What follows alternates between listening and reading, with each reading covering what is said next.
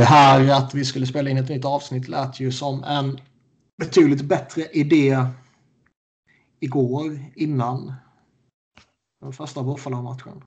Man, känner, man kände ju då att fan, livet leker ju så att nu är det dags för podd igen. ja. Så går de och förlorar 6-1 liksom. ja. Uh, men vad fan, har vi sagt att vi ska köra så får vi köra ju. Ja. Uh, jag är Niklas Wiberg och som vanligt har jag med mig Johan Gartner. Uh, hur är läget med dig annars? Förutom det som hände igår så är det bra. Första dagen ledig på typ nio dagar eller någonting så att uh, dumt att klaga. Mm. Jag gissar ändå att du kommer klaga. ja, det kan väl hända. det kommer snart när vi pratar om flyers. Då kommer det. Mm. Det är väl lika bra att bara hoppa in på skiten direkt. För um, tre matcher in på säsongen här så är det ju... Det har ju varit lite skakigt, men de har ändå vunnit två av tre matcher. Mm. det beror lite på hur man ser det där. Om man ska se positivt så, men de har ju spelat dåligt men fortfarande vunnit två av tre. Mm. Och ska man tänka negativt, då är det, de har ju spelat skit i tre matcher i princip. Mm. Men om man ska tänka jämfört med förra säsongen eller flera år bakåt så brukar de väl aldrig vara bra på försäsongen om jag inte minns helt fel. Och det här är ju i princip försäsongen. Så är det ju. Och de var ju lite halvdana första, vad var det, typ månaden eller någonting förra ja. säsongen också. Nu var väl det lite att för, först inledde de säsongen i Europa och sen mellanlandade de lite snabbt i Philly och sen stack de till mm. västkusten. Eh, och sånt påverkar ju liksom. Jag tycker också man får vara lite försiktig både och, när det kommer till att hylla och kritisera så här i ja. de första kanske 5, 6, 7 matcherna. Just med tanke på att det var ett kort training camp och eh, noll träningsmatcher. Jag tycker man ser det över hela ligan. Det är inte bara ett Flyers problem. Att eh, det ser lite skakigt ut på sina håll. Man märker att allting inte är riktigt synkat och det är lite felpassningar och slarv och sånt där som... Ja, det kan man ju lugnt säga.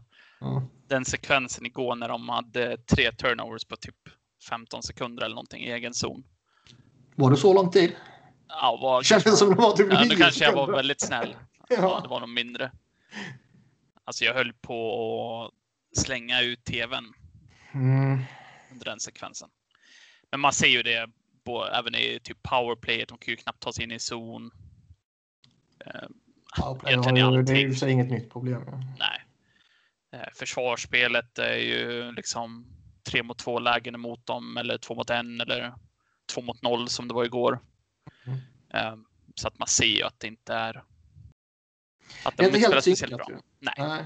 Och jag undrar, liksom, är, är det så att de har har de justerat någonting liksom, som de försöker lära sig on the fly nu så att säga? Eller är det bara att de liksom inte har eh, kuggat i eftersom det inte finns några träningsmatcher? Ja, det är frågan det. Jag har ingen jävla aning. Nej, Eh, jag gissar att du inte har någon jävla aning heller. nej, jag har jag bara inte ställde någon, frågan eh, insikt där. Men det, är väl inte ologiskt att de kanske har eh, byggt vidare på något system eller något från förra året. Mm. Ehm, Men man, det ser ju verkligen ut som att det är försäsongshockey. Ja, Gott och väl. Så att förhoppningsvis så... Eller det ska bli kul att se hur de spelar idag. För de var ju som sagt inte direkt nöjda med sin insats igår, såklart. Nej, det hoppas jag man inte är. Ja, eh, då eh, hade inte Flyers Twitter varit glad om man hade sett någon quote bara, ah, men eh, tyckte att vi spelade rätt bra ändå. det hade i och för sig varit väldigt kul att se Ja, Flyers Twitters reaktion på något sånt. den är rätt så episk där på natten faktiskt. Men det blev alltså 6-3 mot Pittsburgh, det blev 5-2 mot Pittsburgh och sen blev det 1-6 mot eh, jävla Buffalo. Jag Och, hade sån jävla dålig känsla inför den matchen. Det känns som de alltid spelar dåligt mot Buffalo. Av någon anledning. ja, sen är ju Sabres, de är ju...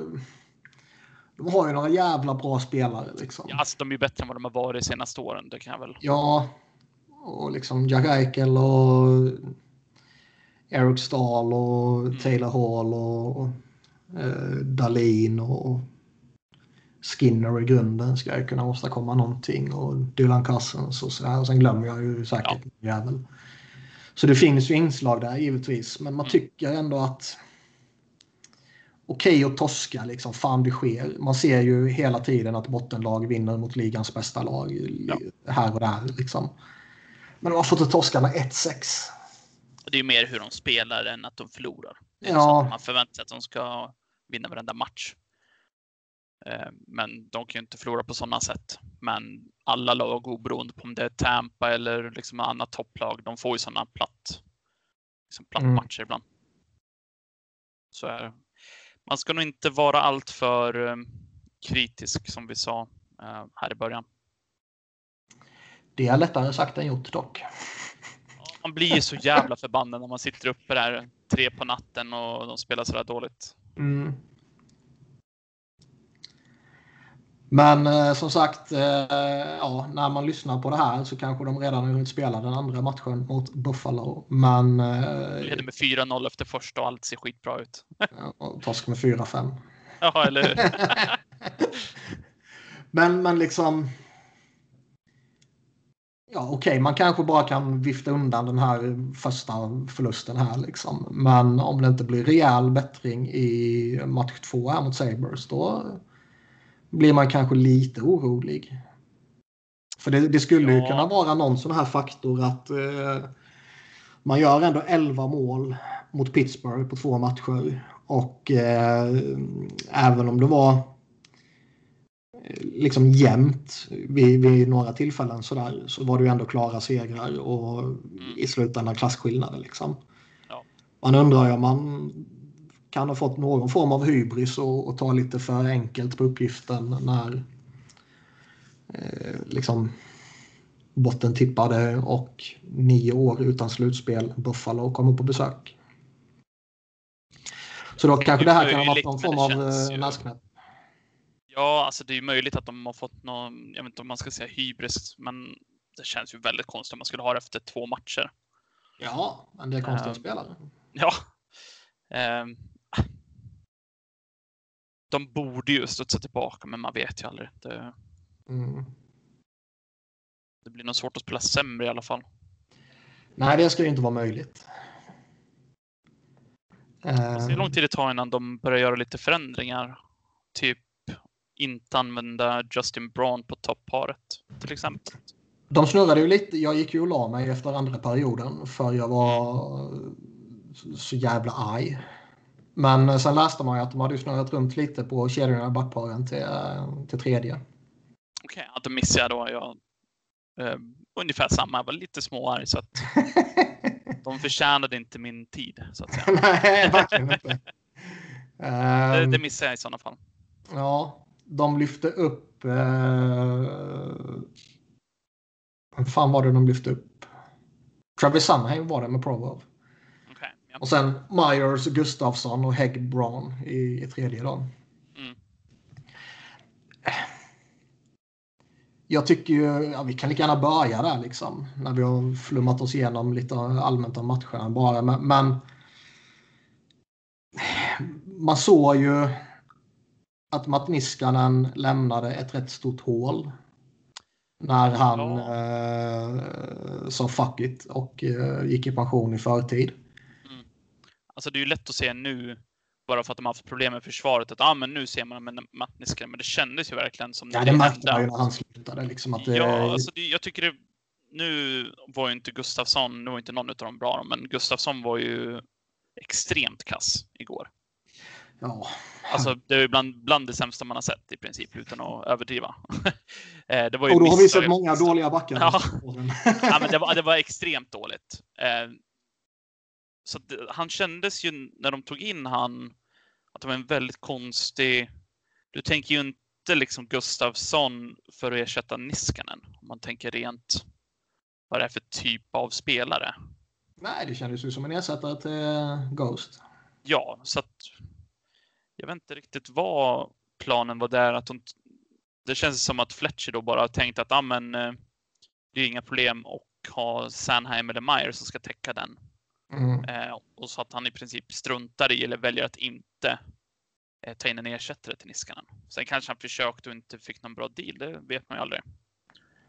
Eh. Det ska väl sägas också att jag tror det är eh, ett rätt svårt problem att lösa. De har liksom en, en dryg miljon i, i capspace nu.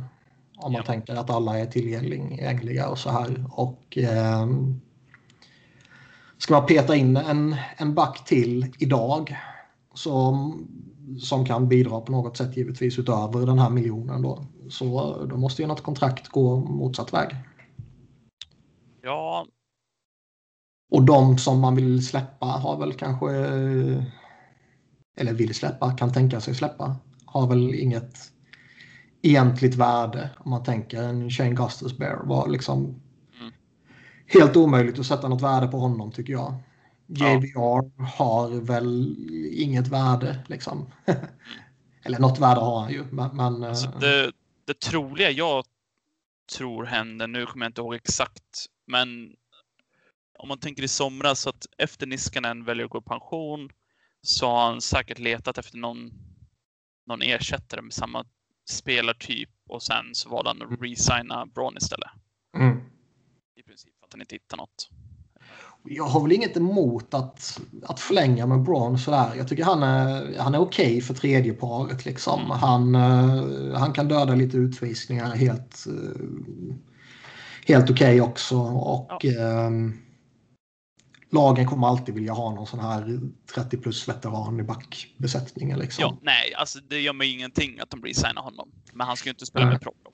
Nej, verkligen inte. Vi har sett alldeles för många backar här de senaste åren nu som är liksom femmor, sexor. Mm. Är man snäll kanske fyror som ändå spelar i, i liksom som en tvåa. Ja. Han är ju för det första inte tillräckligt bra för att spela med Provorov. Sen får du ju inte ut max av Provorov just för att du har honom bredvid liksom. Nej, nej, nej. Det blir liksom dubbelt fel, eller mm. man ska säga. Mm. Um, Samtidigt så ser jag inte någon uppenbar, eh, just det här med att Niskanen lämnar hål efter sig som man såg redan när han slutade. Det, det, liksom, det finns ju ingen uppenbar självklar ersättare internt. Nej. Det är ju Phil Myers, men mm. Då har väl Myers och, och Sunheim-paret inte varit överjävligt fantastiska här under inledningen direkt. Men eh, förra säsongen var de ju eh, tog de ju stora kliv framåt. Och jag förstår att man inte vill sära på det paret. Nej, alltså det gör mig absolut ingenting. Men då är frågan eftersom deras forwarduppsättning är så pass djup som den är. Mm. Det känns som man borde kunna offra någon forward, vem vet jag inte, men för just plocka in en back till Provorov. Speciellt nu när Niskanen försvinner och du får ändå upp man säga, hans lön eller vad man ska säga. Eh, mm. För det känns som att de borde kunna, ja men in med en Morgan Frost liksom. Jo, för någon, vem, vem är det? Alltså, ja. Nej, liksom om man bara tittar på, alltså, jag vill inte släppa Connectny för att ta in den backen liksom. Nej, nej, nej, så är det ju. Couturier är inte aktuellt. Liksom. Kevin Hayes, Voracek och Euro tror jag inte är aktuella av lite olika anledningar. Liksom. Mm. Eh, JVR är väl den man vill släppa, men eh, ska man skeppa iväg hans kontrakt och få en, en back för första paret då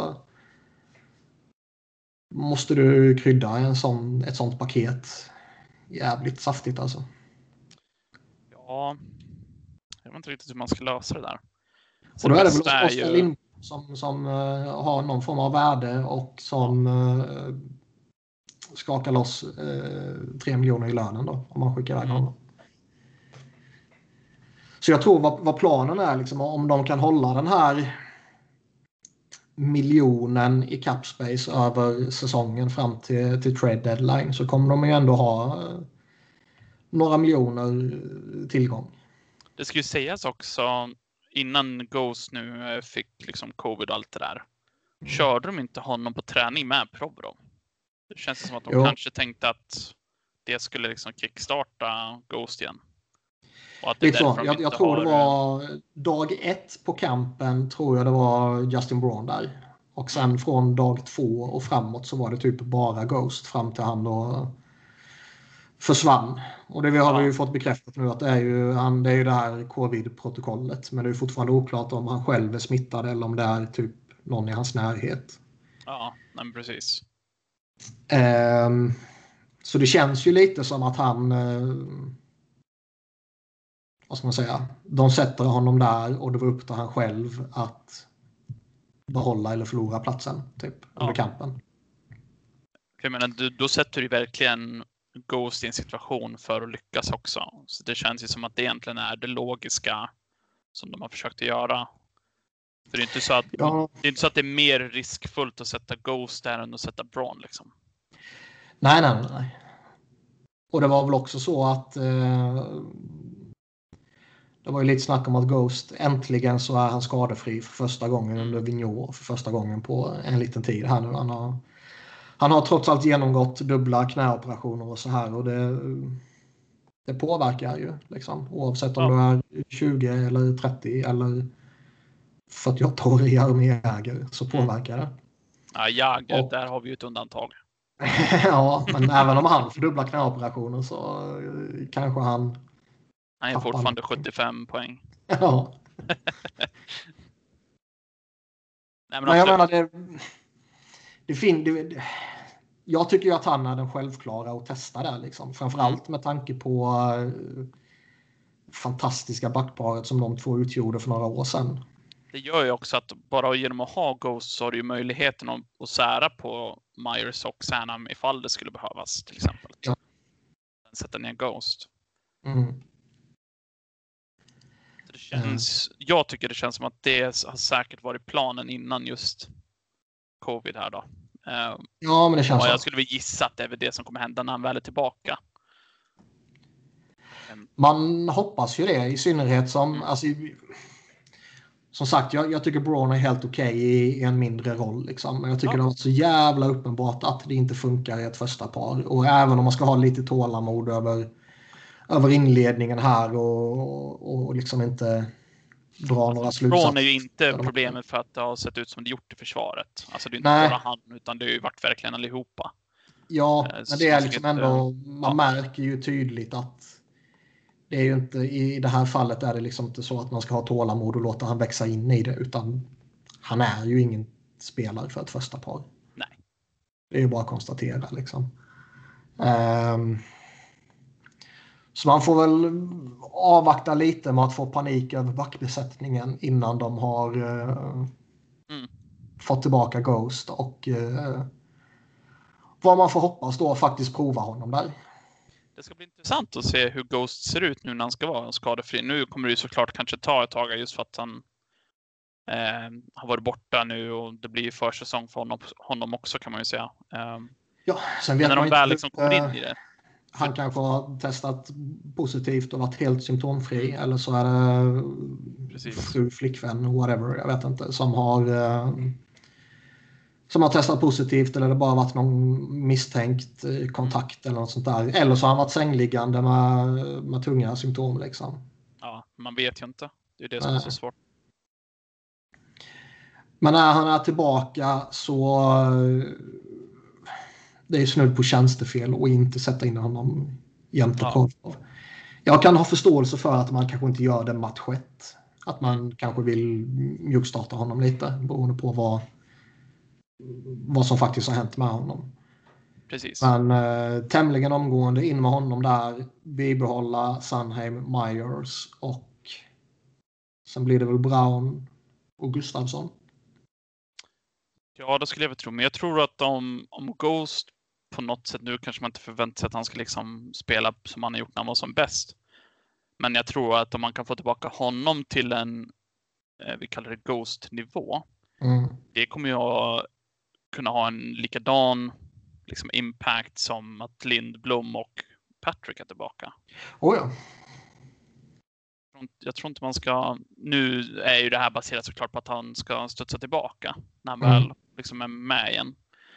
Men jag tror nog, om man ska se det positivt, så skulle det kunna bli jävligt bra. Nej, men liksom hittar han tillbaka, alltså då pluggar han ju igen det här Niskanen-hålet. Mm. Och kanske till och med förbättrar det. Liksom.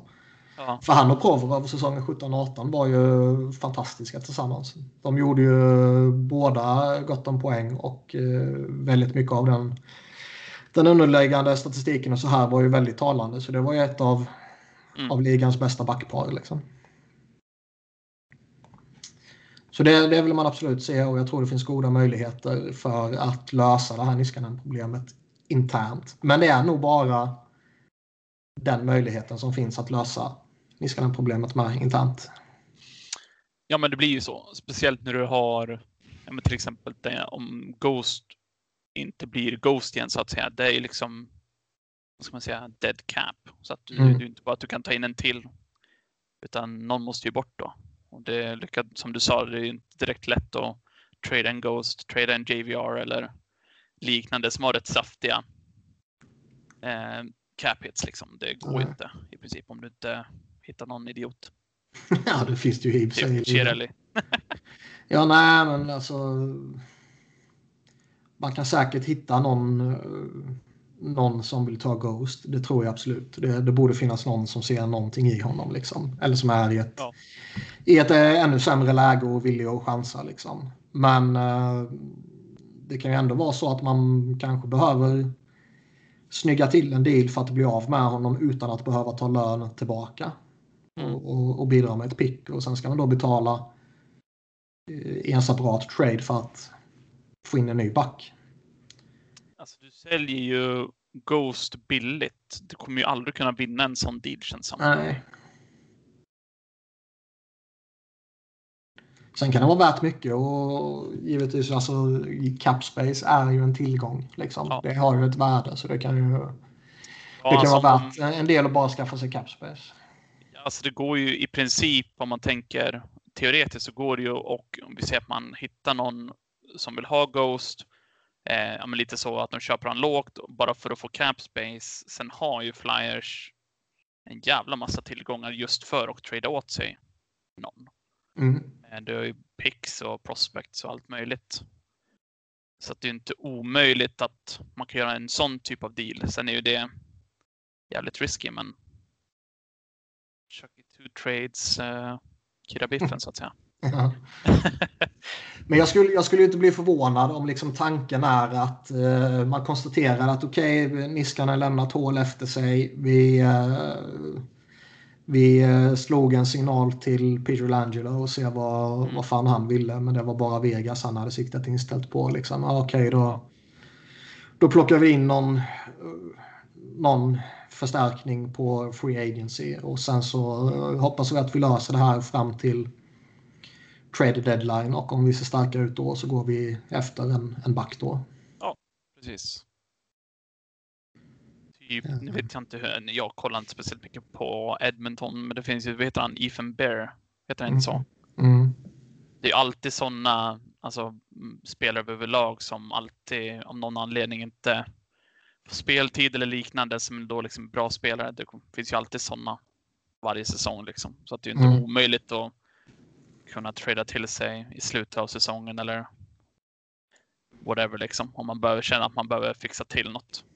Nej, så är det ju. Nyckeln för det för Flyers eh, skull är ju att man eh, håller sig hyggligt skadefria och eh, inte behöver maxa ut kappen.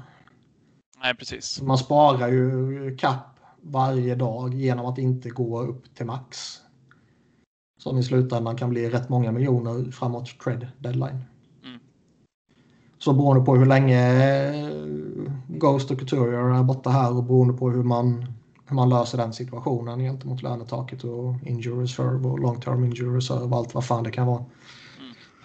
Så, ehm, så kan det ju två påverka mycket. veckor var på, på Couturier, var det inte det? Minst två veckor. Minst två veckor.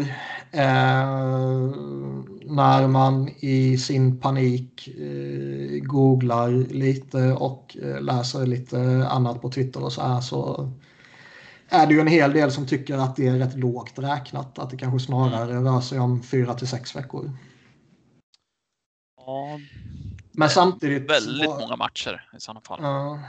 Men samtidigt var det ju inte honom som, eh, de satt upp på non-roster-listan så att säga. Nej. Utan det var ju Ghost. Och det behöver kanske inte betyda ett skit. Eller så betyder det att Couture kanske kan vara tillbaka tidigare än vad man trodde. Eftersom Ja. går man upp på den här eh, non-roster-listan så behöver man ju vara borta. Är det? Eh, är det inte en månad? vecka? Nej. Är det en vecka? Okej. Ja. Hade för mig det var längre. Nej, det är... eh, det är väl skillnad på den och long term injury Ja, det är den jag tänker på. Eh, ja, exakt. Ja, Men, eh, alltså det ja. hade inte varit första gången Couture hade kommit tillbaka snabbt från en skada liksom. Nej, så är det ju. Sen samtidigt så... Sen om det är bra eller inte, det är väl kanske en annan. Nej, exakt. Alltså det, det är klart att eh, jag har ju hellre Couture i mitt lag än att jag inte har honom i mitt lag. Mm. Men eh, man får även om, även om varje match... Ja, man måste tänka långsiktigt. Och liksom, även om varje match är ännu mer viktig denna säsongen med tanke på eh, upplägget med divisionerna och bara interna möten och sånt här så tycker man ändå att Flyers har ett så pass djupt lag att man ska kunna hantera att Couturier är borta Ja. i två till fyra veckor Ja, alltså utan att man ska behöva hetsa in honom. Nej, man ska kunna hålla sig flytande i, i värsta fall. Även om han är jätteduktig och jätteviktig och, och sådär liksom. Ja, du ska ju inte gå under. Eh, Nej. Annars finns det väl inte jättemycket att säga om Couturier. Han skadade sig i typ första eller andra bytet i den andra Mm. matchen mot Pittsburgh. Uh, desto mer intressant är det kanske ersättaren uh, Morgan Frost. Som uh, ska ha imponerat på campen men som helt enkelt uh, stoppades av the numbers game om man säger så. Det fanns 12 Ja. forwards som ja, var ordinarie. Skulle inte Nolan Patrick kunna kunna kört så skulle nog Morgan Frost fått en ordinarie plats från start. Mm.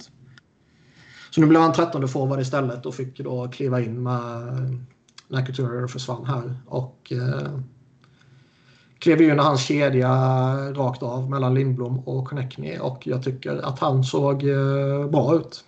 Ja, han var väl, om inte den bästa forwarden i den matchen, som var väl en, en utav dem, skulle jag vilja säga. Eh, sen är ju inte det någon jättehög liksom, nivå så, eftersom alla var så jävla dåliga. Nej, Men- men vad fan, det kan ändå vara enkelt att Ja. liksom dras ner i skiten av alla andra. Nej, jag tyckte han såg bra ut. Mm. Man ser ju att alltså, hans spelsinne är ju... Alltså, det är ju jättehög nivå på det. Oh, ja. Så om, om han kan liksom verkligen bli den spelare man tror man skulle få när man draftar honom eller nära, då får man en, kommer man få en väldigt, väldigt bra. Det går ju inte fort i utvecklingen så att säga, men eh, han får ju verkligen en chans nu. Mm. Och det är lite som vi sa där, man, vi hoppas att de sätter Ghost i en situation där han kan göra avtryck och lyckas och få ut det mesta av sig själv. Så var det ju sannerligen så de gjorde med Morgan Frost nu. Ja, nej, men verkligen.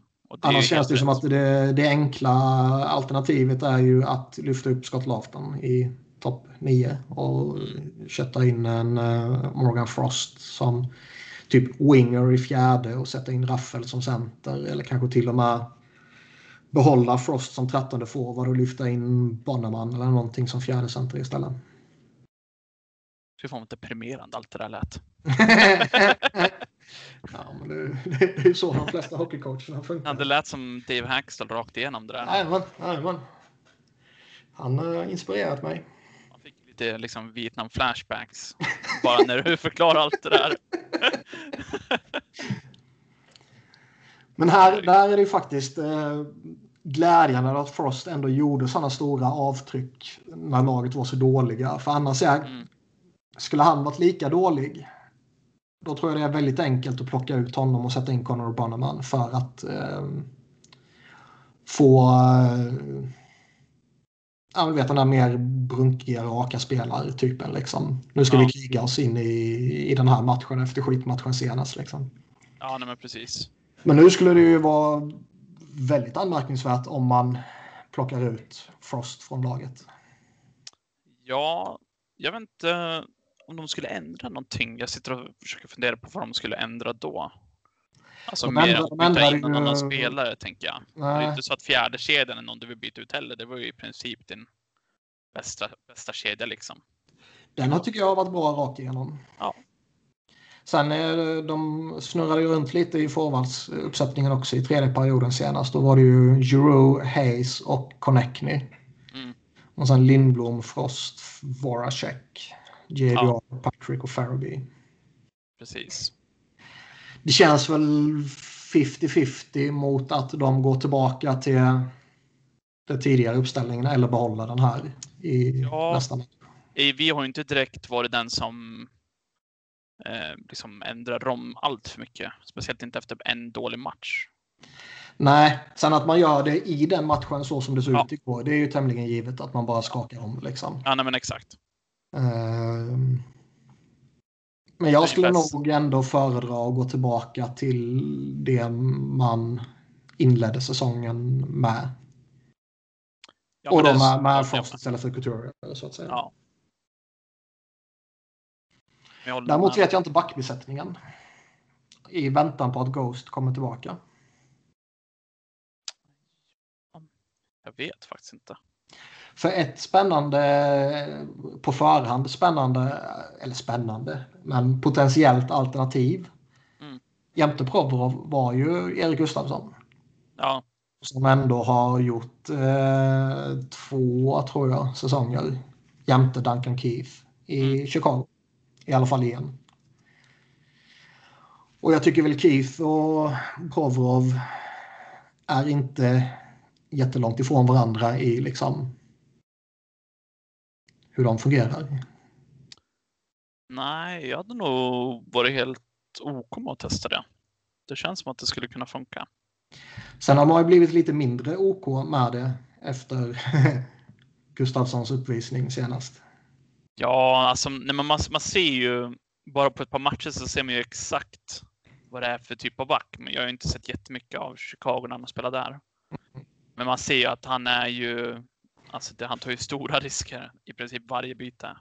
Men han är ju en Ghost. Ja.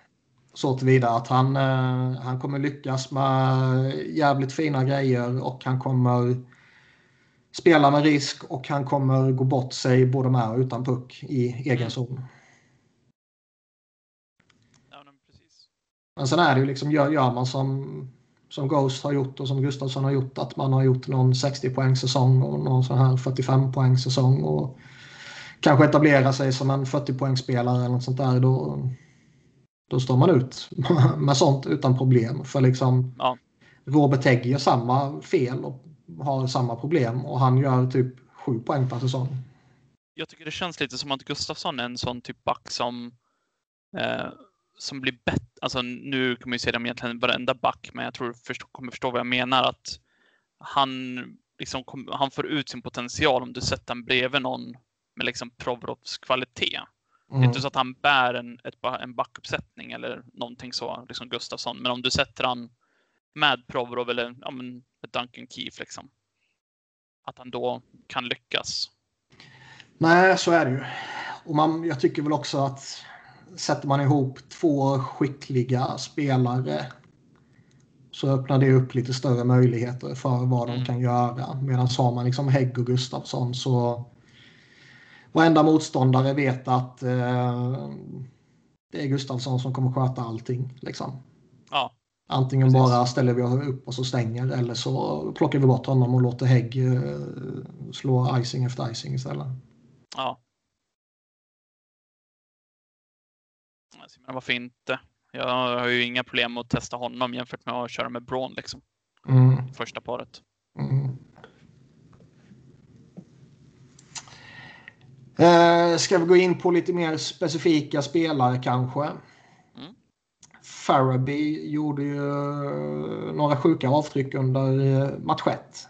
Ja, Och eh, var då on pace för att slå Wayne Gretzkys rekord. ja men det, det känns ju logiskt ändå. Om vi ska vara helt ärliga. Det är fan på tiden någon slår det. ja, eller hur? Framförallt på en 56 matcher lång säsong. Ja, eller hur?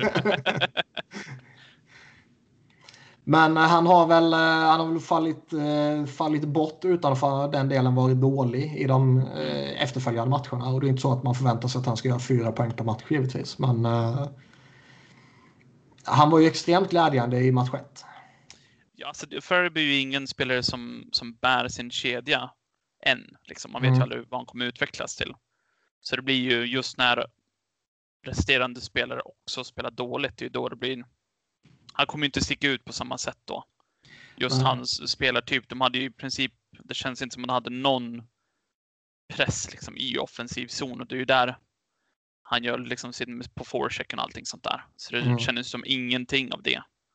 Um, I gårdagens match då. Men man ser ju också hur, hur giftig han är just när de väl um, ja, när de verkligen pressar i offensiv zon. Man ser ju verkligen att han han vinner ju just mot Penguins, han vann ju puckdueller hela tiden liksom. Ja. Um, så att um,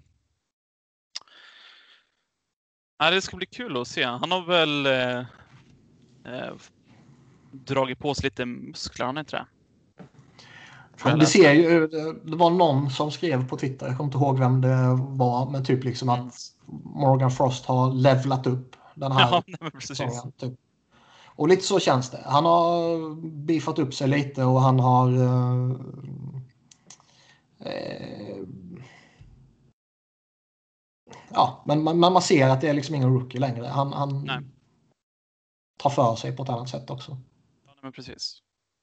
Och han är ju rätt tax, tacksam att ha för det är en sån där... Eh, han kan ta alla roller i en forwardsbesättning. Eller som, som winger då liksom. Eh, så det är tacksamt att ha kunna slänga runt lite vad man vill också, vad det finns ja. behov. Ja, men exakt. Eh, har vi någon annan rolig connect? Ni fick ju näta eh, direkt. Jag har inte glömt bort hur man gör mål. Det var ju vissa som trodde. Eh. Han nätade ju direkt, men sen gav han ju bort det till Lindblom. Ja, för att det touchade hans hjälm typ. Ja. uh, nej men det... Sen stötte man upp med hattrick i, i match två. Och det var ju... Och. Ja. Och det var ju trevligt. Ja. Jag ska inte säga, jag, jag var inte det minsta orolig över honom. Men jag tror ändå att han hade någonting eh, att bevisa. Mm. Både för sig själv och för liksom, laget i, i stort, lagkamrater, coacher och management och så här. Men även för, för fansen efter, efter slutspelet där han var en av de största besvikelserna.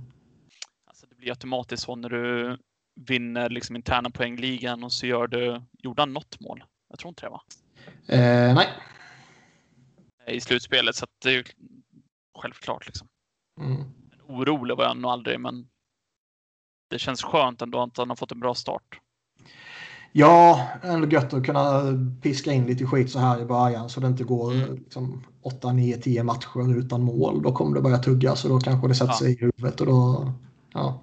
jag tycker inte, om man tänker på någon forward i topp 9, eller ja, egentligen fjärdekedjan också kan man ju räkna med.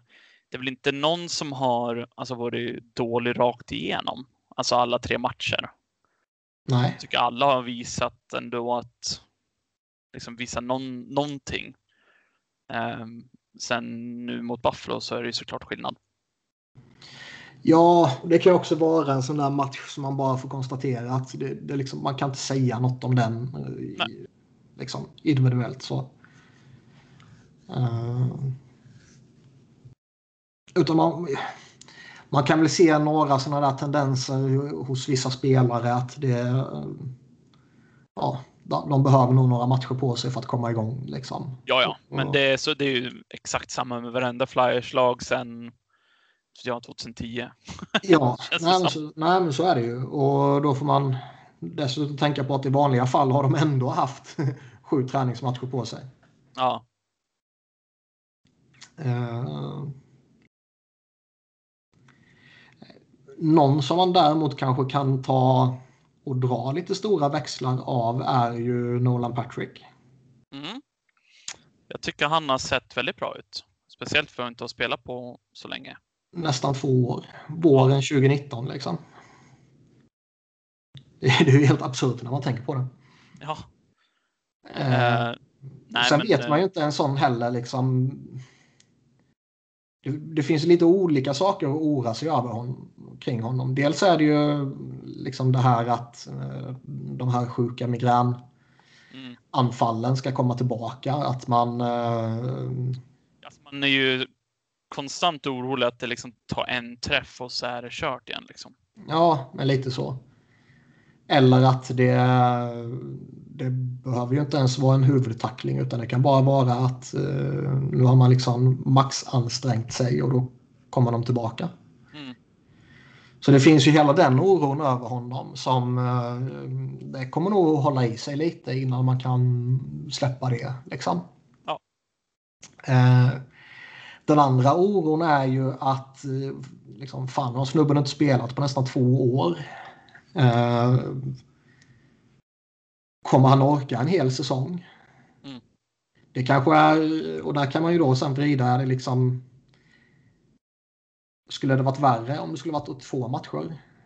Eller blir det ännu mer intensivt nu när det är 56 matcher? Och komprimerat spelschema och så vidare. Ja.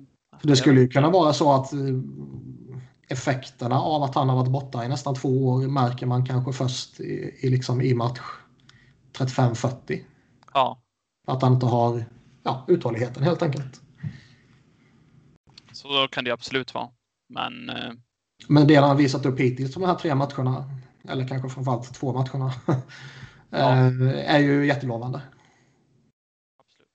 Och inte så att han är någon ny Conor McDavid och det kanske är så att han aldrig kommer leva upp till, till hypen som kommer med att draftas så tidigt. Men om man Mm. bara tänker på att han har varit borta som sagt nästan två år och eh,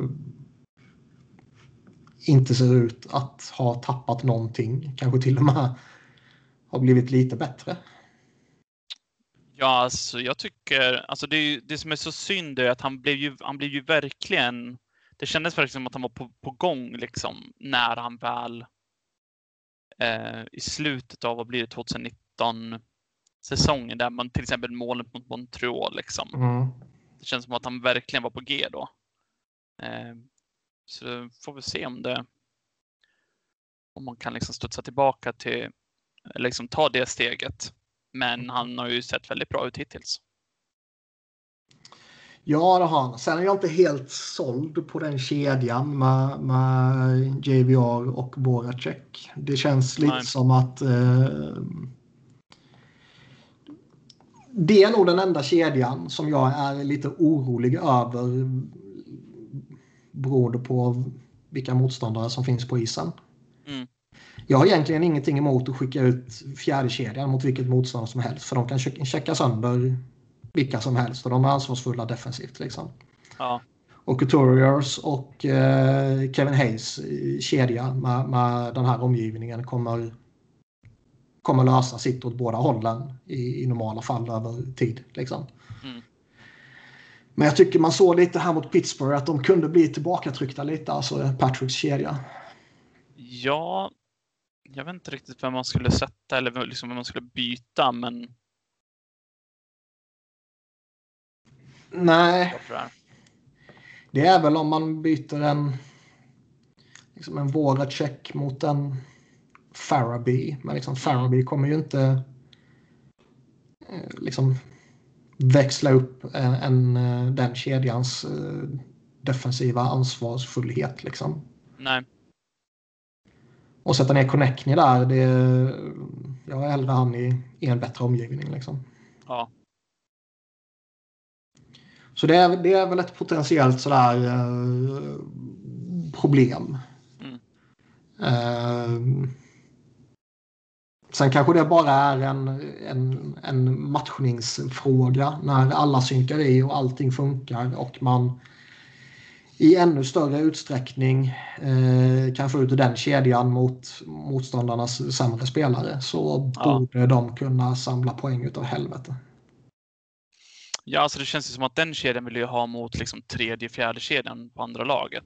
Mm. om man nu ska räkna den som liksom, jag tror Vigneault säger 1A, 1B och 1C. Det blir ju liksom 1C. Det är ju 1C. Kedjan, ja. Så det känns väl inte. Jag tror säkert att de har någon typ av. Att det är det de tänker också. Mm. Jag tror han är lite snäll när han säger 1A, 1B, 1C. Han skulle, det är väl mer eh, korrekt att säga 1A, 1B, 2 och 4 ja. typ. Jag håller med.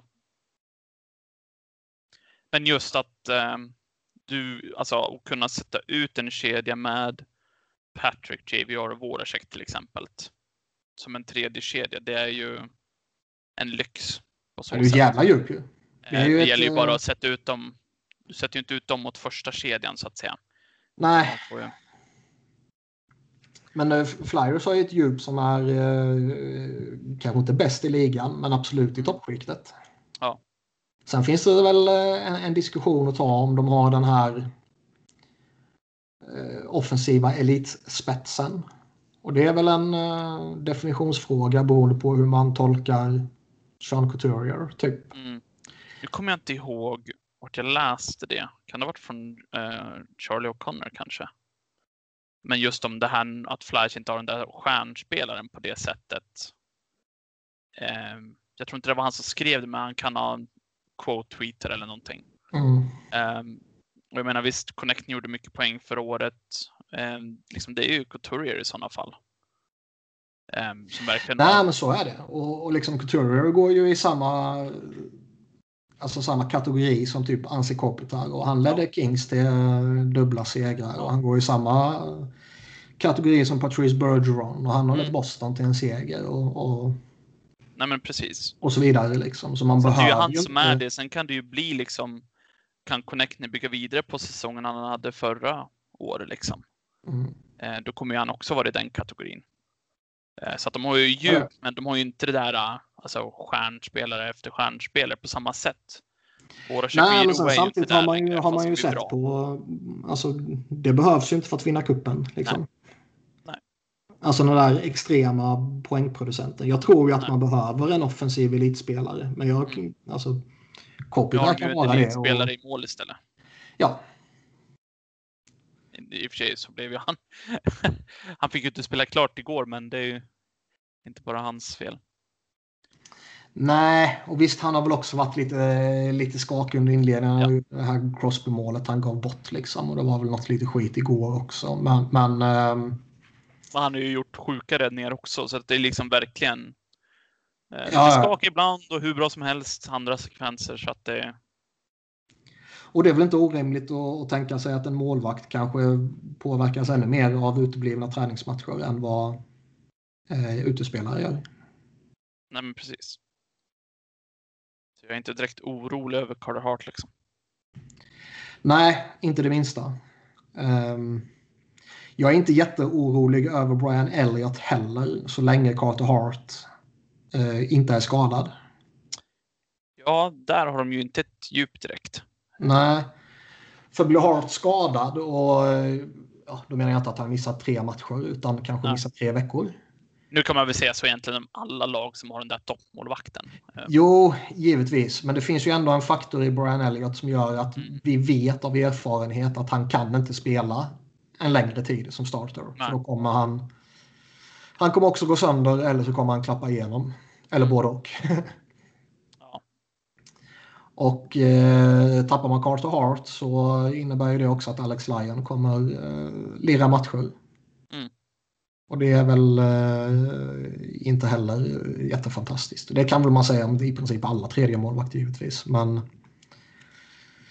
det är en, en skada på Hart där han är borta några veckor. Det, det kan ju få en att eh, att svettas lite. Mm. Annars tycker Absolut. jag Ivan Provorov samma sak. Liksom. Annars tycker jag att de ska kunna hantera att vem som helst är borta under en kortare period. Även Couturier här liksom. Ja. Um, så, så bra djup ska man ha. Ja, det är inte så att, alltså visst, de kommer ju sakna Couturier. Um, det är ju självklart, men de har ju... Ja, men man ska liksom ändå hålla sig flytande utan honom. precis. Kanske till och med mer än så. Ja. Uh, har vi någon annan spelare vi vill lyfta på något sätt? Um,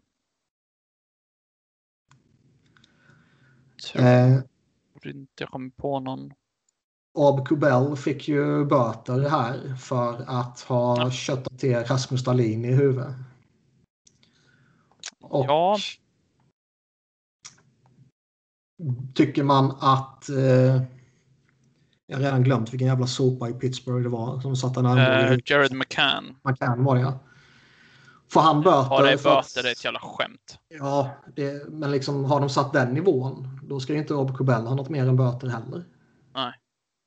Och de släppte ju Eric Stahl var det väl. Fick ju en saftig smäll i, i deras första match också av Mm. vem det nu var som jag inte kommer ihåg. Inte jag heller. Men ja, att de bara nonchalerar huvudtacklingar sådär i ligan det är ju inget nytt. Liksom. Mm. Eh, det kan ju bli en intressant eh, faktor att skåda i, i match två här om, eh, om man kommer vara upprörda på Kubel eller kanske till och med gå efter någon annan. För det, det är något som kan bli rätt skoj med denna säsongen att eh, man kommer spela mot varandra hela tiden och oftast är det att man kanske spelar två matcher mot varandra. Det blir som ett litet minislutspel mitt i säsongen. Typ. Eller egentligen Ja. genom hela säsongen. kan man säga. Lite, lite, så.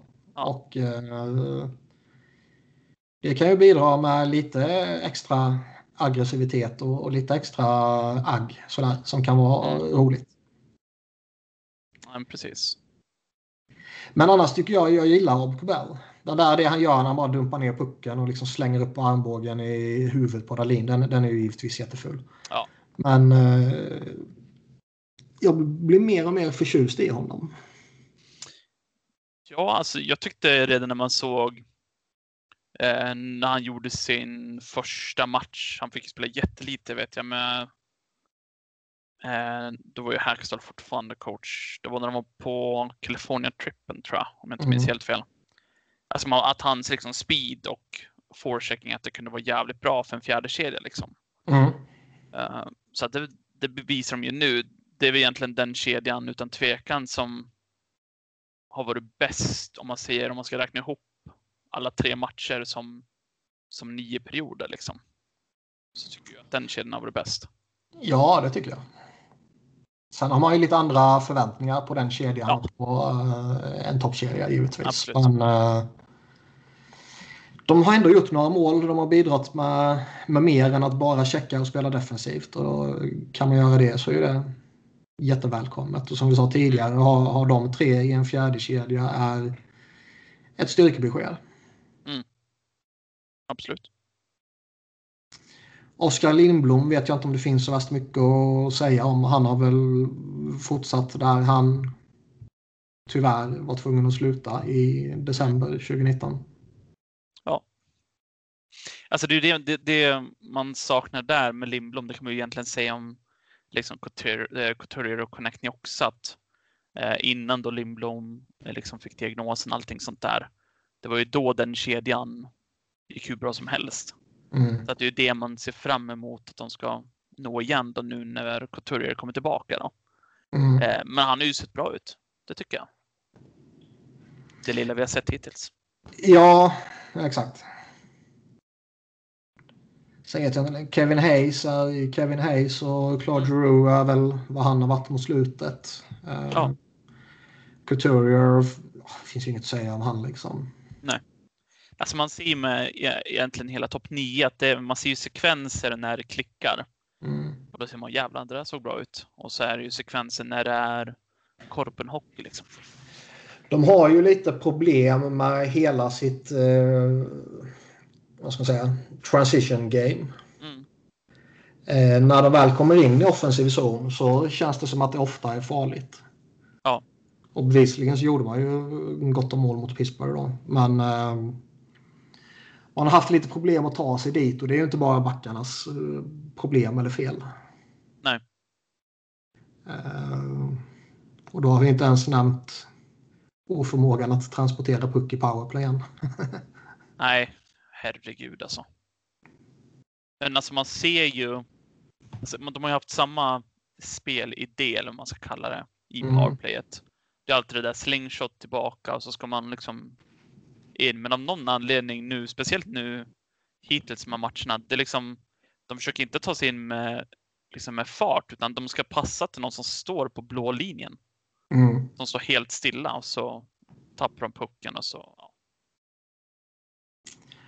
Man undrar ju om det här bara är en faktor av att de, eh, de har inte haft några träningsmatcher. Liksom. Eller är det eh, Michel Therrien som är eh, fortsatt åt helvete? ja, det är ju frågan.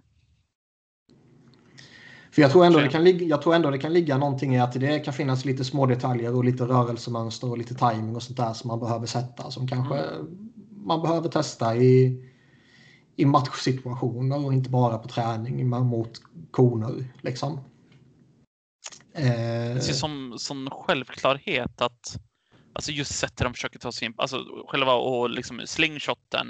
Alltså det är ju inga problem alls. Men det är ju det här att de precis innan, alltså mellan röda linjen och blåa linjen in i offensiv zon. Då lägger de en kort pass till någon som står helt stilla mm. istället för att försöka transportera in pucken med fart. Jag fattar inte. Det känns så, så självklart. Sen är det väl, de saknar väl två av sina bästa spelare på det också. Ja. Ghost är ju en, en jättetillgång där givetvis. Och Absolut. Sean Couturier tycker jag är duktig på det också. De har ju ändå liksom, de har Giroux, Kevin Hayes, Voracek. Nolan Patrick också liksom bra. Mm. Eh, Så att de, de, de har tillräckligt för att det, det ska inte vara ett problem. Men det, är ju, Nej, lite så. det känns lite extremt dåligt. Men det är ju som sagt egentligen som allt annat så är det ju väldigt tidigt på säsongen. Så att det kan ju bara vara lite försäsongs... Ja, så samtidigt skulle jag ju ändå... Alltså tar man första uppställningen så är Euro ska ju stå där han står. Liksom. Där ska han stå och, och bossa. Mm. Sen gillar jag att de har satt in Connectney framför kassen. För då får... Ja. De, dels, eh, dels är han duktig där runt omkring själv. Men, men framförallt får Euro den här eh, ja, korta passningen till en högerfattad som står framför mål där. Gjorde han inte alla tre mål när han gjorde hattrick precis framför mål? Eller var det Ja. två? Ja, två av dem sparkade han ju typ in. Eller inte sparkade, men eh, stötte säger man väl. Nej, men han är bra framför mål. Ja, och vi, vi har ju nämnt det tidigare. Men liksom, man såg ju där vilken, eh, vilken tillgång Wayne Simmons Mm. som högerfattad var då bara genom att kunna glida ut en halv meter och, och bli passningsbar där. Och ibland kunde han gå in på mål, ibland kunde han hitta någon annan. Ibland var det bara för att få lite rörelse på, på motståndarna. Liksom. Mm, mm. innan man lägger tillbaka pucken till Euro igen. Så där, där gillar jag man har Knäckny. Jag, ehm, jag bryr mig egentligen inte jättemycket om vem man sätter i slottet. För det känns som att vi inte har någon som är perfekt för det ändå. Nej. Så där kan man testa Couturier, man kan testa Kevin Hayes, man kan testa Faraby, man kan testa ja, Lindblom liksom. Absolut. Däremot, däremot vill jag ju ha, jag vill ha Voracek till höger i första uppställningen. Ja, och han är väl den som har passat fram till, eller till Connecting på de där målen också. Så att, Mm. Men dels är det liksom dels för, för den här eh, pucktransporten som vi nämnde tidigare och dels för att han är, eh, han är en skicklig passningsspelare. Liksom. Mm. Sen så är jag lite tudelad till Provorov på blå i första. Han, eh, ja, han har ett bra handledsskott liksom. Han är duktig på att kliva framåt typ. Men eh, slagskottet är ju inte på vare sig Ghost eller Gustafsson nivå tycker jag. Och han är inte Ja. den här eh, perfekta playmakern där heller. ja, alltså jag hade inte varit emot om de hade testat Gustafsson där. Men Mm. jag hade ju såklart velat haft Ghost när han väl är tillbaka. Mm. Um, Det var ju både var det match ett var det va? Där Gustafsson eh, gjorde sina poäng. Ja. Och där första uppställningen med Provorov inte funkade jättebra. Då trodde man ändå att de skulle lyfta upp Gustafsson där vid något tillfälle. Men eh, de verkar vara fast beslutna att behålla Provorov där. Ja, fast jag, jag- jag, tror ju... väl- Ja. Ja, jag tycker väl att man, man skulle väl kunna argumentera lite för att eh, efter att han har skrivit på det där kontraktet så ja, han behöver producera och då, Mm. då behöver man spela powerplay. Liksom. Ja. Man kan väl hitta någon form av logiskt tänkande i det tycker jag. Ja, nej, men det håller jag med om. Vad skulle du säga? Jo, ja, det var en bra fråga du. Eh, eh, ja, jag vet, jo, det var att eh, just som vi pratade om lite innan, det här med att eh, eh man vill sätta in spelare i bästa situation och få lyckas. Det är lite samma med att sätta Gustafsson i powerplay, där man skulle sätta honom i första och testa där. Eh, nu får han ju ändå spela i andra powerplayet, men jag tror att hans bästa kvaliteter får du ut som mest om du har en Giroud eller Voracek som passar. För vi såg ju liksom från första matchen med hans skott till exempel. Det är ju det du vill få ut av honom. Så är det. Men ja, det, Och nu har vi också, alltså, ti- ti- tidigare fanns det ju lite eh, sådär att liksom, fan om vi sätter alla dem i första uppställningen så har vi inga bra till andra uppställningen. mm, Men eh, nu har vi ju faktiskt en, en, ett stort antal bra spelare för en andra uppställning. I synnerhet nu när både Patrick och Lindblom är tillbaka. ja, Så där, eh, där borde man kunna pussla ihop någonting eh, av det som blir kvar. Liksom. precis. Annars är JVR har väl varit... Liksom, han ska ju stå framför kassen i powerplay och det gör han väl Ja. fortfarande okej såklart. Det är så Men då behöver man ju ha någon med- som får fram skotten till honom också. Ja, det är så svårt just för att de har haft en riktig platt match. Det är så svårt att... Man vill ju inte ta för mycket från den. Så det är ju lätt att bara tycka att man ska göra förändringar överallt. Mm. Liksom. Men de har ju definitivt tillräckligt med spelare för att få ut två bra eh, kedjor för powerplayet. Ja. Sen kanske det är, eh, som du snackade om, eh, Michel eh, Terrien som är det stora problemet. ja, man skulle inte gråta om det plötsligt bara kommer en nyhet om att de har sparkat honom. Nej. Det känns ju inte troligt.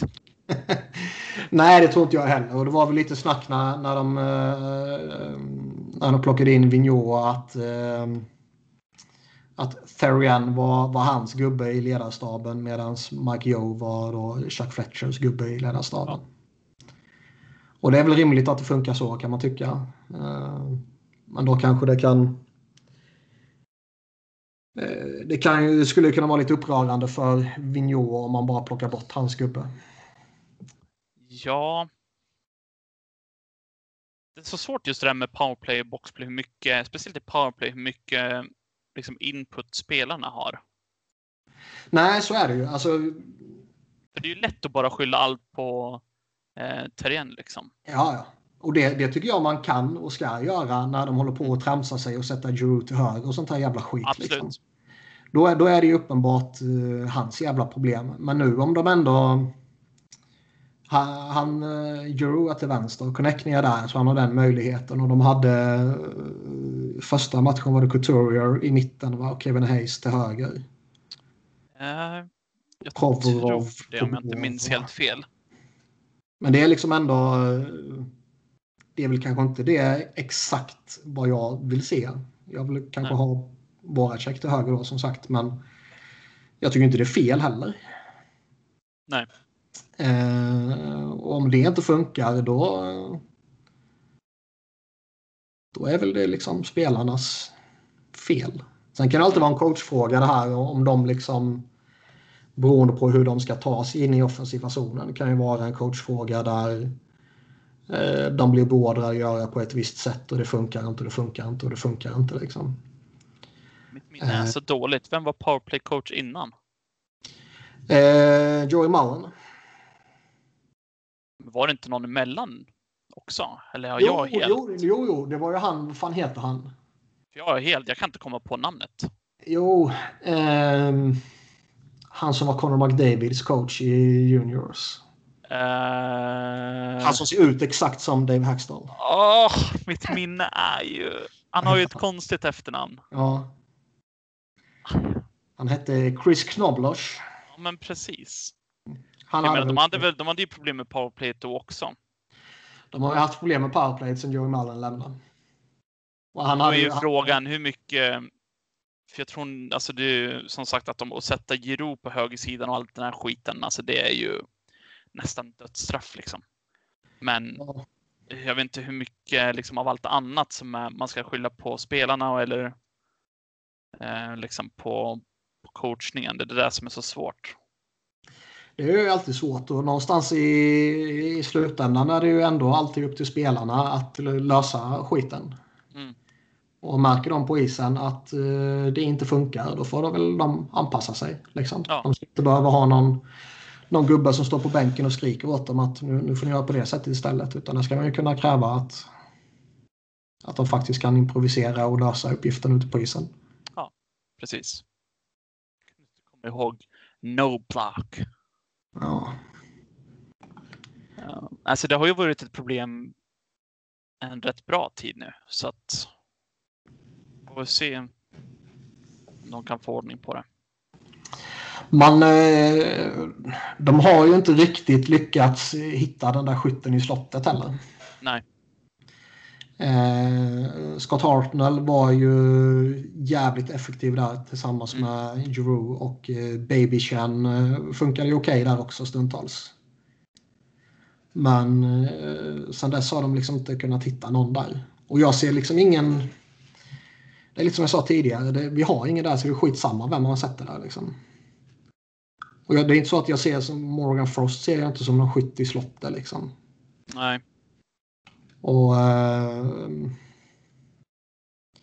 någon annan av spelarna som är på uppgång i den liksom, absoluta närtiden ser man väl inte heller riktigt som någon någon, eh, någon jätteskytt där. Det är väl kanske en Wade Allison om han skulle varit vänsterfattad. Men det är han Ja. inte.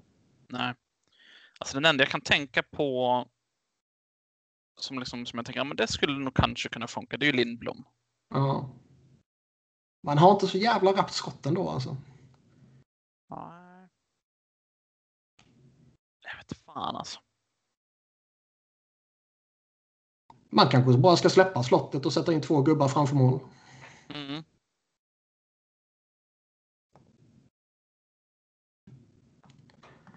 Och sen så låta Giroux och Provorov och vem det nu är som spelar till höger bara stå och pumpa lite. Ja. ja. Jag vet inte vem man ska sätta annars. Varenda en jag kan tänka på, det är liksom rightare. Det är liksom Connectney. Ja, han, han är ju där. Det funkar ju liksom inte. Då får han Ja. stå där och uh, avlossa backhand så det känns meningslöst. Ja, ja verkligen. Eller så får man sätta honom där och, och vinkla över ännu mer av spelet till, eh, till högersidan. Ja, Men Då känns det som att man slösar bort det som alltså, Drew har varit, ja, enligt mitt tycke och enligt många andras tycke, den bästa powerplay-spelaren den senaste. Mm. nej, men Då blir det tio att det år, känns liksom. ju inte rätt att göra så heller. Nej. Nej, det är svårt. Därför börjar de Line. Vi behöver inte tänka på att han är rightare, men Ja. Det skulle ju vara eh, intressant för eh, om man bara pratar powerplay. Nu tror inte jag det kommer ske givetvis. Nej. Men, men, bara för eh, diskussionens skull. Alltså, han ska ju stå där Euro står Ja, och bara skjuta. Och eh, sätter man då dem i varsitt par eller flyttar man på någon av dem? ja. Alltså, det blir ju lite en annan grej. Alltså just med eh, att flytta över. Vi tänker att de ska trada åt sin line. det blir en helt annan grej att flytta över Jiro på högersidan i samma när du har Line som står på vänstersidan och ska ta emot de passarna. Jämfört med att ha till exempel det är ju den enda, ja, det är ju den enda situationen där jag skulle vara okej okay med att flytta Jiro till höger. Det är ju om man har en jävla monsterskytt. Precis, så det, det, är ju en väldigt stor skillnad att ha Jiro på högersidan på powerplayet om man har en Patrik Laine liksom som står och väntar på de passarna. eh, eh, verkligen, så att eh, det hade varit jävligt coolt. Men jag kan inte se det. Nej, alltså jag tror inte det heller. Alltså, det kom ju fram att de hade intresse. Eh, ja, de verkar till och med ha haft ett, ett ja. stort intresse här tidigare under off-season och det är ändå Elliot Friedman som säger det. Så då, då är det ju förmodligen så. Ja, så att jag tror inte att det skulle hända nu om man ser mitt här under säsongen. Eh, utan Nej. det är ju någonting som jag, i sådana fall skulle hända eh, under sommaren. Men fan vad coolt det hade varit. Ja, det skulle vara hur coolt som helst ju. Men eh, problemet är väl att han har, eh, han har ett utgående kontrakt och eh, tjänar nästan 7 miljoner nu och man kan mm. nog eh, skriva in en tia på honom på hans nästa kontrakt tror jag. Om han inte är totalt jävla klappkast den här säsongen. Han har haft en bra start. Nu har jag inte kollat jättemycket på Winnipeg, men från vad jag sett. Han, han gjorde två mål i första, sen missade han i andra matchen. Okej, okay, ja. Jag såg bara första. Så att... Eh, fan vad coolt det hade varit. Ja, ja, ja. Men det är ju bara skick, vi skickar, de behöver ju backar. Vi skickar Ghost till Winnipeg. Ghost plus. Mm. Online. Egg and the third. och sen så skickar vi JVR mot uh, en back för första paret. Problem solved. Inga problem. Nu kör vi. Mm. Blev ju lite taggad när, man, när det kom fram just från, var det Friedman sa du? Jag kommer inte ihåg vem det var som kom fram med det. Att de var intresserade eller att de hade snackat om Line. Vem som sa det ursprungligen under off-season, det minns jag inte. Eh, men det var ju någon av de stora. Det var ju Freeman, ja. eller Brun eller The Bobfather eller vem fan det nu var. Liksom. Ja. Men nu här bara... Om det var förra eller till och med denna veckan eller eh, förrförra eller vad det kan ha varit. Då, då, då nämnde ju Friedman det igen. Mm. Nej, det hade varit jävligt coolt. Och där har man ju potentiellt den här offensiva elitspelaren. Ja. Uh, men jag hade, alltså, du, du är lätt för mig att bara säga, men jag hade liksom utan problem eh, att trade om, om en sån spelare blir tillgänglig. Liksom. Han blir alltid alltså, En sån spelare tillgänglig, och... då vaknar ju Paul Holmgren igen. Ja, ja. Det är säkert han som har ringt Fletcher bara du, ja. Line, Tja, jag, jag representerar Flyers. Vi ja. Eh, men jag menar, etablerar han sig som en 40 målskytt med potential för ännu mer, mm. då... Eh, det är ju värt jättemycket. Grejen är han är ju underskattad eh, passare också. Det är det som, det är inte bara att han kan skjuta liksom. Det är inte bara det han är bra på. Så det är Nej. inte så att han är en enformig spelare på så sätt. Men ehm. samtidigt har vi liksom typ Connectney är en bättre 5 mot 5-spelare än honom. Mm.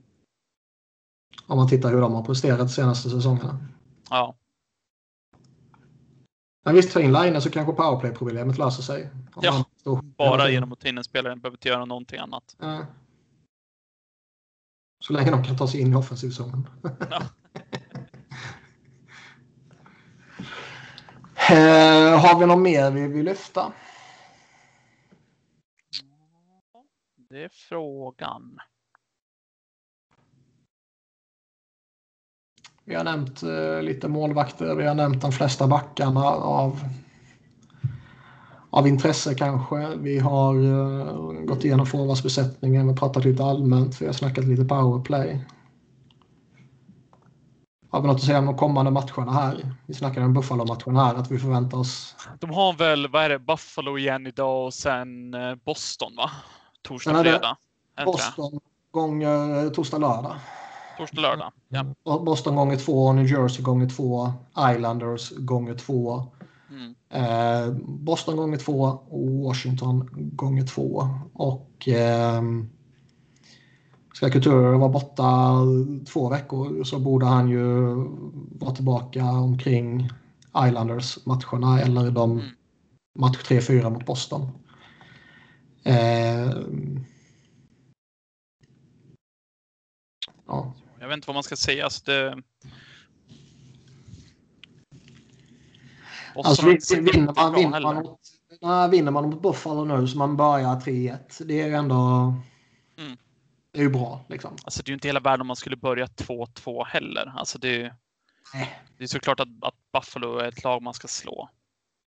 Men det är direkt. Man är ju van att de ska ha en halvtaskig start liksom. Jo, så är det ju. Sen är ju Boston är ju... Fan, de har inte sett bra ut alltså. De saknar Pasternak. Mm. Eh, sen samtidigt vet man ju liksom att om Boston vinner en match mot Philadelphia och Boston har en halvsunkig form. Då är det mot Philadelphia det vänder ju. Ja, ja. Det är, så är det ju för alla lag. Det står i Bibeln. Ja.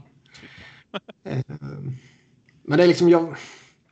Det här får man väl äta upp efter de här två jävla matcherna. Men med tanke på hur Bostons lagbygge ser ut denna säsongen och med tanke på att Pasternak är borta så Mm. fruktar jag inte Boston på samma sätt som man gjort tidigare. Nej, så är det ju.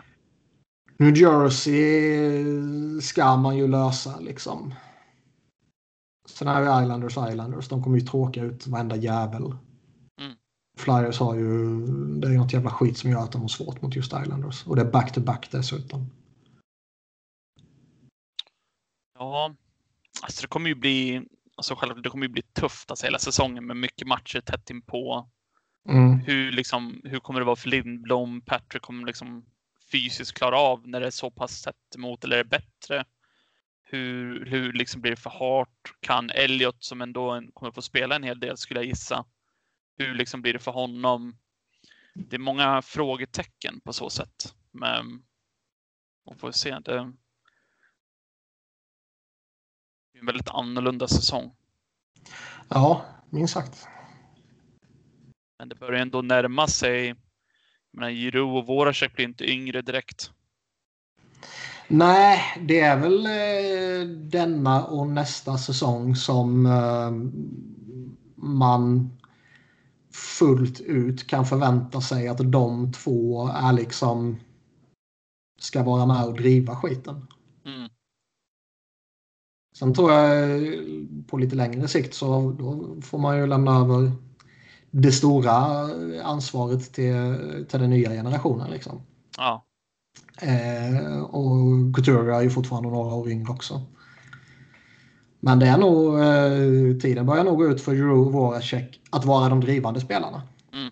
Sen tror jag fortfarande Euro och, och Voracek kan, kan spela i bra många år till och, och vara ordinarie så att säga. Men då kanske mer som supporting players eller vad man ska säga. ja. ja nej, men precis. Så man, hopp, man hoppas ju lite att, som vi pratade om tidigare, att om, om de inte löser backbesättningen här nu tidigt med kanske Ghost eller någon annan lyckoträff jämte intern lyckoträff jämte Provorov då liksom. Mm. Så hoppas man ju lite att eh, de klarar sig igenom säsongen relativt skadefria och kan spara capspace och gå efter någon, någon riktig back sen vid, vid trade deadline. Ja, men precis. Och det, är- ja, man har ju sett på Chuck Fletcher tidigare år att han, han är redo att göra det om han tror att hans lag kan vinna. Absolut. Man såg det förra året och man har sett det i, i Minnesota. Så. Det kan ju vara något att se fram emot om det blir bra. Ja, alltså det är ju ett lag som borde ta sig till slutspel. Frågan är ju bara om hur, liksom hur bra de kommer vara. Speciellt beroende på hur länge Couturier blir borta. För man tänker, Mm. ja men två till fyra veckor eller sådär. Det känns ju inte som en jättelång tid, men när det är just den här säsongen så blir det extremt många matcher. Jo, och, men två, tre veckor, fan det tycker jag ändå man ska klara. Liksom. Ja. Däremot säga att det blir fyra, sex veckor. Då börjar det plötsligt bli mm, jobbigt på riktigt. Ja. Ja, de får börja med helt enkelt och studsa tillbaka från gårdagens match. Det kan ju inte bli sämre som vi sa innan. Um, Ja, väntar du bara till något. 7-0. ja. Nej, det tror jag fan inte. Det, jag, jag tror de kommer studsa tillbaka. Sen kan man ju studsa tillbaka och förlora ändå. Men, Ja. men eh, fan, min, minst göra match av skiten i alla fall. Precis. Allt annat är ju faktiskt underkänt. Ja. Och det känns nog som att Vigneault kan nog ha brölat lite på dem ändå. Det hoppas jag. Och som vi sa tidigare, jag, det känns ju inte som att de kommer byta in någon annan forward liksom. Sätta in Sam Moran för att bröla sig fram på uh, vänsterkanten liksom. Det i och för sig vore rätt kul. Ja, det är det. Alltså, det kan vi ju lyfta. Mm. Eh, Ja, det är helt glömt bort. Ja. att... Eh, jag men, visst var det typ dagen innan training camp? Eller var det någon dag in på training camp? Nej, det måste varit Ja, inför. det måste vara något innan. När Då de var- ja. Då bara droppade de lite så här casual en, en tweet typ liksom att ja, by the way så ska Sam Moran bli forward nu. Ja. Man bara jaha. det, det, det låter konstigt. vi, vi har liksom sjukt djupa på forwardsidan och eh, liksom det här i Niskanen-hålet och lite sådär i, i, i backbesättningen och han ska, han ska gå och bli forward. Så det låter lite ologiskt på ett sätt. Samtidigt tror jag ju på fullast allvar att han är närmare speltid som forward än som back. Tror jag med. För det är ändå en snubbe nu som har två stycken allvarliga knäskador bakom sig. Och säsongen 16-17 är senaste gången han spelade en hel säsong. 17-18 gjorde han två matcher för Flyers och 15 för Phantoms. 18-19 gjorde han fem matcher för Flyers och två matcher för Phantoms. Och förra säsongen en match för Flyers och två för Phantoms. Äh, tre för Phantoms. Och eh, han, eh, han kommer inte vara i närheten av att ta en backplats. Liksom. Det kommer ju krävas en mängd skador. Fan vad coolt det hade varit ändå om han kunde liksom eh, alltså bli det de hoppas att han ska bli. Um, Det var ju jävligt coolt fram till han själv gick ut och sa att han innan han somnade tittade han på videos av Matt Martin. ja, Och då tänkte man liksom, jaha, där dog den hypen. hade jag också, nu kommer jag inte ihåg hur många år de signade för, men det hade jag också gjort om eh, jag hade kunnat vara Matt Martin och få ett sånt kontrakt som han fick. Nu kommer jag Ja, inte ihåg vad kontraktet var, men det hade jag gärna Ja, gjort. fyra gånger 1,5 tror jag. Ja, absolut. Sign me up. Jag behöver inte ens spela. Sätt mig på läktaren. ge, ge mig lite gratis popcorn så. Eller hur? Men snack, snacket som har sipprat ut är väl att de, de tycker att de blev, eh, de var lite ehm, de blev lite hunsade i slutspelet rent fysiskt. De, de tycker att de saknade fysiskt element och eh, istället för att gå efter Matt, Matt Martin, Martin. exempelvis. Alltså eh, Charlie nämnde ju det ändå att eh, de skulle nog kunnat gå efter honom om det skulle varit en möjlighet liksom. Ja. Det hade inte förvånat mig alls. Nej, nej, inte ett dugg. Men han ville väl vara kvar i Islanders och Islanders ville behålla honom. Och Islanders ger honom det här sjuka, absurda kontraktet liksom. Eh, plus att Flyers egentligen inte har cap space för att gå efter en sån snubbe. Eh, vilket är skönt. eh, och i övrigt får man försöka trada sig till sig en typ en Ryan Reeves liksom. Och nog för att jag tycker han är lite cool, men det skulle ju nog kosta lite. Mm. Mer än vad det smakar tror jag. Ja, nej, men precis. Och liksom vad fan, då kan man lika gärna testa en snubbe som man ändå inte kommer ha någon jävla nytta av i NHL som back. Alltså, jag gillar ju idén ändå alltså av Idén är vad, cool. Ja, vad Samuel Moran skulle kunna bli som forward. Mm. Ehm, men tro, alltså, tror man det ska hända, liksom, det känns ju eh, mindre troligt kanske. Men det hade varit jävligt coolt. Ja, alltså jag, jag kan ju inte, med tanke på vilket djup de ändå har och med tanke på att de faktiskt har eh, även bra spelare. Det är inte så att de bara har 12 eller 13 bra forwards utan de har ytterligare ett, ett gäng forwards som är, eh, som är bra. Liksom. Connor Bannerman Mm. kan gå in och, och spela och fylla en roll i en fjärde kedja liksom. Och Ja. Carson Tworinski tror jag absolut kan, kan bidra. Och sen har man typ en Andy Andreoff som jag visserligen inte är sugen på att se. Men släng in honom så, så kommer han lösa det i några matcher. Liksom. Ja. Jag tror att Wade Allison kommer spela under säsongen. Uh, skulle inte förvåna mig. Han, han är ju skadad nu. Annars tror jag att han mycket väl skulle kunna vara en del av deras taxi squad. Mm.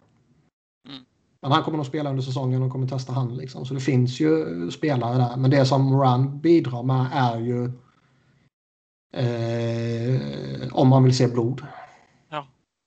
För jag, jag, jag tycker ju det och jag har sagt det många gånger liksom att om inte domarna och ligan kan skydda spelarna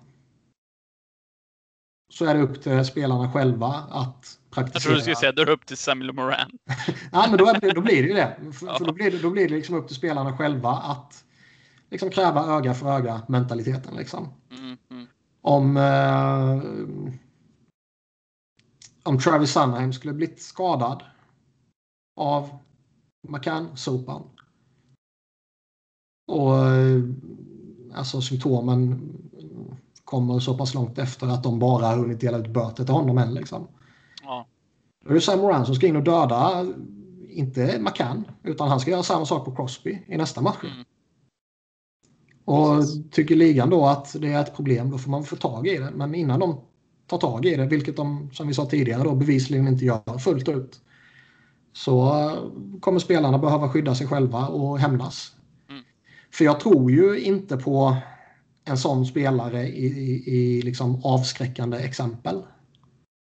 De dagarna tror jag är, är borta. Liksom. Man har ju sett att fan, det blir huvudtacklingar och det blir fula överfall även om en sån spelare finns i laget eller till och med på isen vid tillfället. Liksom. Ja, nej, precis. Eh, däremot för hämndaktioner så har de ett syfte och det är väl det enda kvarvarande syftet som sådana spelare har.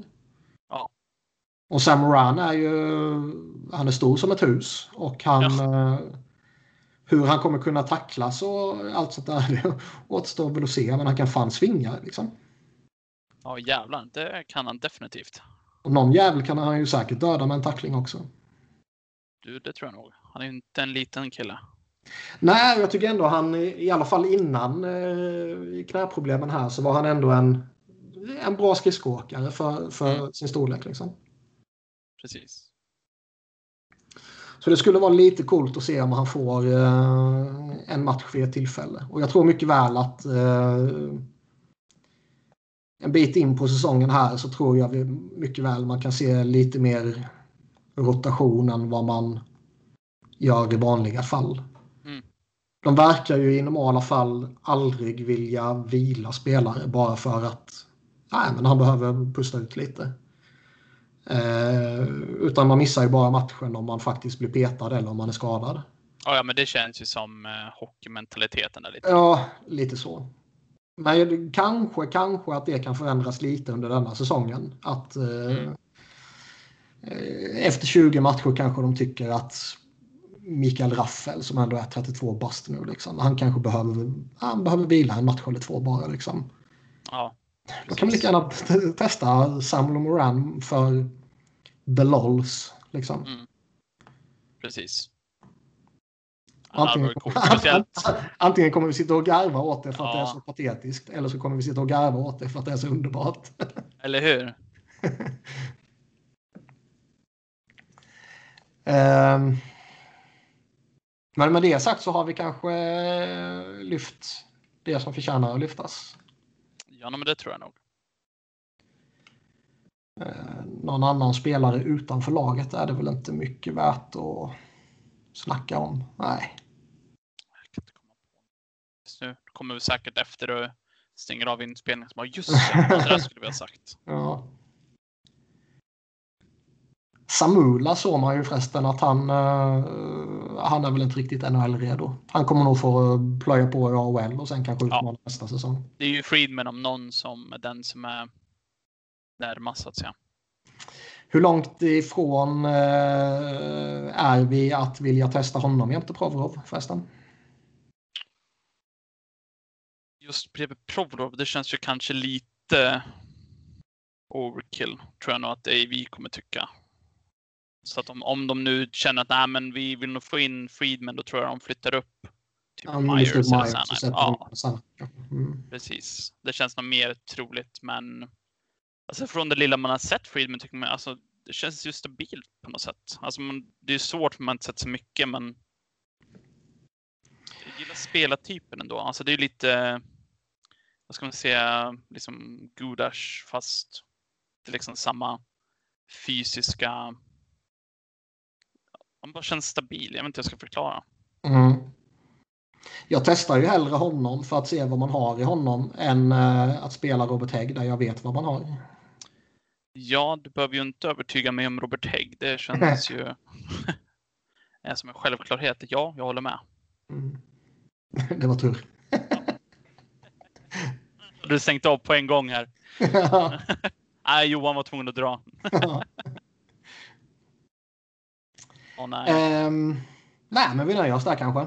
Ja, tycker jag. Vi, eh, vi får se när vi är eh, tillbaka nästa gång. Men eh, tack för idag. Eh, tack själv.